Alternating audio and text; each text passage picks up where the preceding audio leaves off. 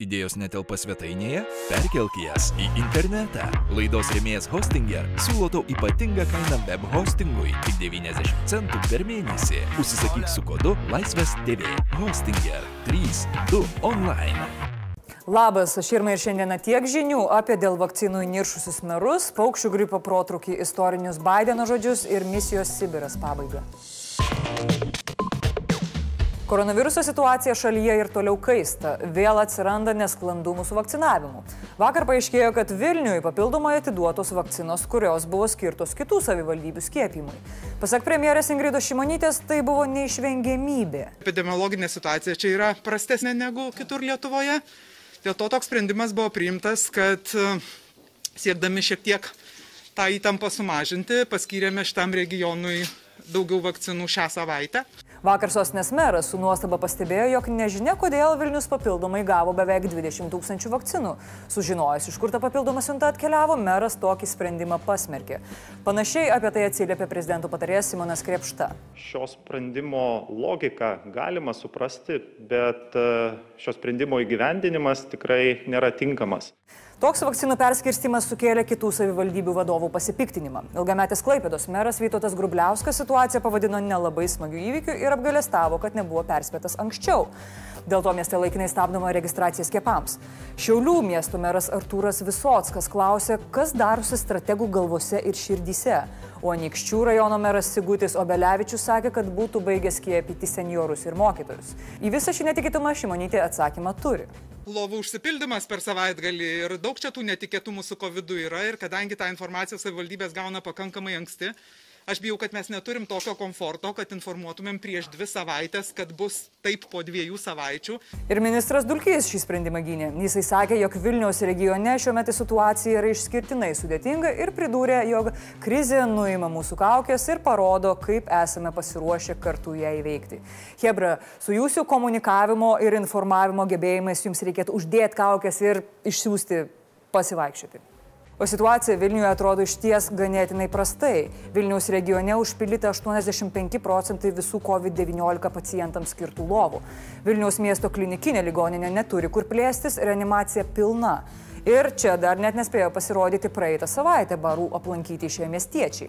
Vilniaus sergamumas 100 tūkstančių gyventojų per dvi savaitės šiuo metu siekia beveik tūkstantį, kai visos Lietuvos vidurkis tik kiek daugiau nei pusė tūkstančių. Kurį laiką situacija buvo gera Kaune, tačiau dabar ir ten viskas pradeda rimtėti. Praėjusiu metu gruodį Lietuvos sveikatos mokslo universiteto Kauno ligoninė turėjo 250 COVID-19 pacientų, dabar jų yra apie 200. Kauno klinikų komunikacijos tarnybos vadovė Austė Aleksandраvičiūtė Švažė Šukienė papildė, jo COVID-19 situacija Kauno regiono ligoninėse šiuo metu yra sudėtinga ir stabiliai blogėjanti.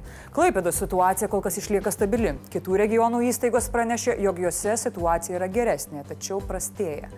Gera naujiena ta, kad anot LSMU profesoriaus Mindaugo Stankūno, nepaisant prastėjančios situacijos, karantino griežtinti nereikėtų. Atvejų skaičių stabilizuoti gali dabar galiojančių ribojimų paisimas, tai yra kaukių dėvėjimas ir atstumų laikymasis.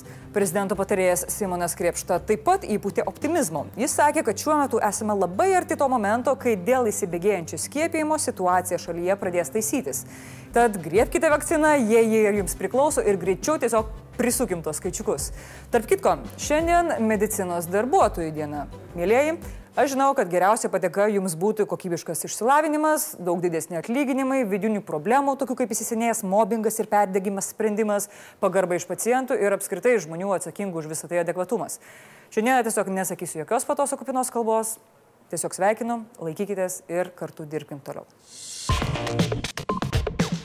Kol žmonės kovoja su koronavirusu, paukščiai kovoja su gripu ir dėja su paukščių gripu tenka kovoti ir žmonėms. Viskas prasidėjo, kai Vilniaus rajone kelios vištos krito negyvos. Ištyrus paaiškėjo, kad jos sirgo paukščių gripu. Šiuo metu užfiksuota 18 protrukių, dar 5 užregistruoti ir tyriami, o sunaikinto jau daugiau nei 400 paukščių.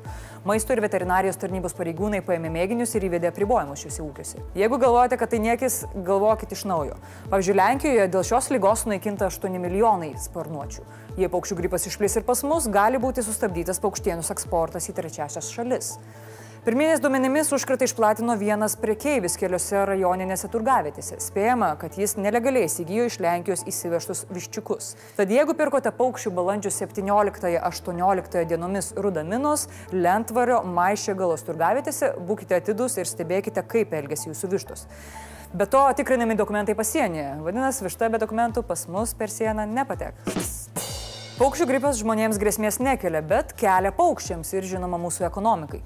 Pastebėję padidėjusi naminių paukščių gaišimą ar netipinį jų elgesį, skambinkite nemokamą telefono liniją 8800 40403.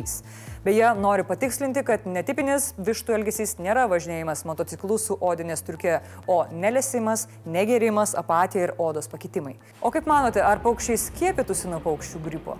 Ir ar yra paukščių antivakserių? O ar paukščiai turi savo Bilą Geitsą ar Sorošą, kuriuos kaltinė dėl gripo?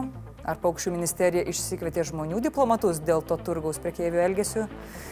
Tiek klausimų ir tiek mažai atsakymų.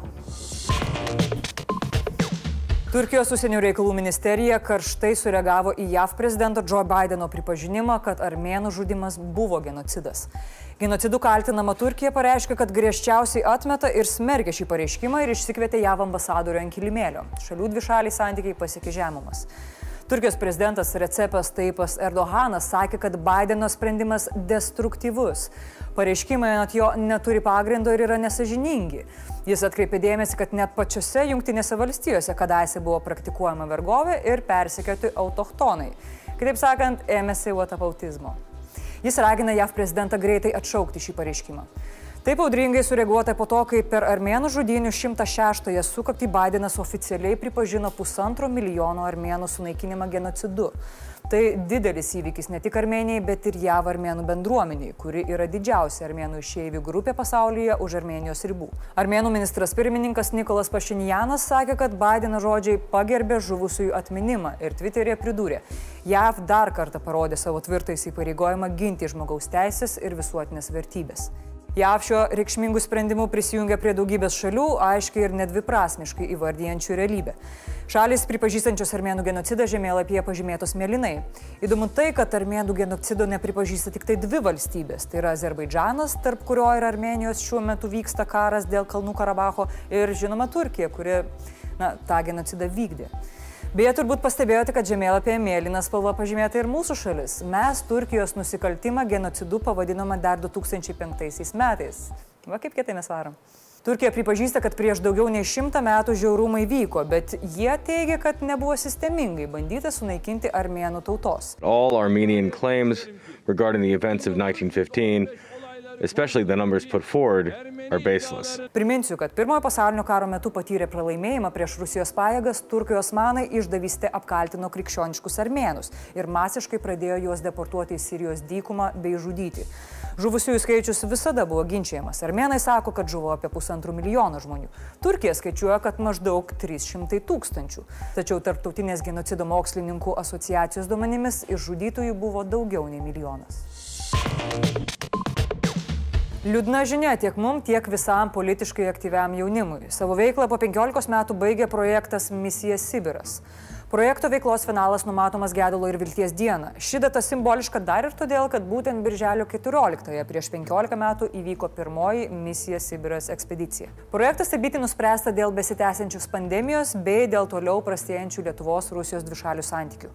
Anot vieno iš misijos Sibiras iniciatorių Vygando Ušatsko, pagrindinis projekto tikslas - grupėmis lankyti ir tvarkyti tremtinių ir politinių kalinių amžinosios atminties vietas Sibiro žemėje - tampa nebeįmanomu. Pastarėjai metai projektų tikrai nebuvo iš lengvųjų. 20-aisiais misiją teko atidėti dėl koronaviruso, o kelis metus prieš tai tekdavo keisti ekspedicijos maršrutus. Mat Rusijos diplomatai nusprendė lietuvams neišduoti vizų kelionėms į Sibirą. Kodėl vizos išduodamos nebuvo, diplomatai neaiškino.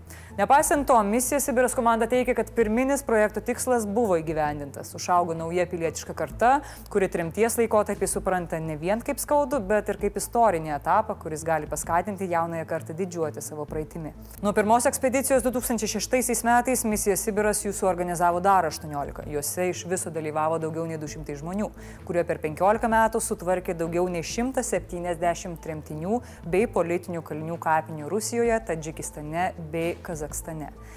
Šiemet, birželio 14-ąją, projektas jau šeštą kartą kvies jungtis prie visuotinės tylos minutės bei tremtinių ir politinių kalinių vardų, pavardžių bei likimų skaitimo akcijos Ištark, išgirsk, išsaugok, trunkančios visą parą. Šios iniciatyvos šiemet paženklins ir 80-asis masinių gyventojų areštų ir trėmimų į Sibirą metinės, prasidėjusios 1941 metais, birželio 14 ir trukusios iki pat 53-ųjų. Skaičiuojama, kad per visą represijų laikotarpį nuo sovietų valdžios nukentėjo apie 300 tūkstančių žmonių. Nepamirškime to. Blitz naujienos. Apeliacinis teismas atmetė viešųjų pirkimų tarnybos priekaištus dėl nacionalinio stadiono koncesijos konkurso. Po paskelbto teismo sprendimo Vilnius meras Remigijus Šimašius pranešė, kad stadionas galės būti pastatytas per trejus metus. Viena būtina sąlyga - vyriausybė turi išlaikyti ankstesnius įsipareigojimus.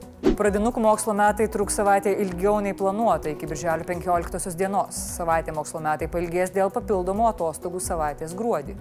Tikimasi, kad palaipsniui laisvinamo karantino sąlygos birželį leis vykdyti įprastas ekskursijas ir sporto šventes. Pirmoji Europos komisijos prezidentė moteris Ursula von der Leyen atskleidė, kad per vizitą Turkijoje jautėsi įskaudinta ir pažeminta. Incidentas pavadintas Sofageitų įvyko per prezidento Recepo Taipo Erdoano surenktą prieimimą. Ursulai von der Leyen nebuvo pasiūlyta prisėsti greta Turkijos prezidento ir Europos vadovų tarybos vadovo.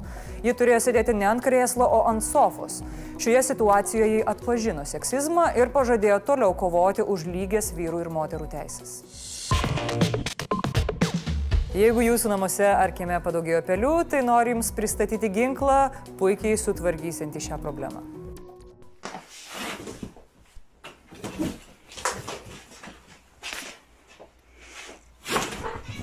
Ačiū, kad žiūrėjot, nepamirškit komentuoti vištų antivakserių, žiūrėkit tūkstantmečio žinias, o šiandien tiek žinių.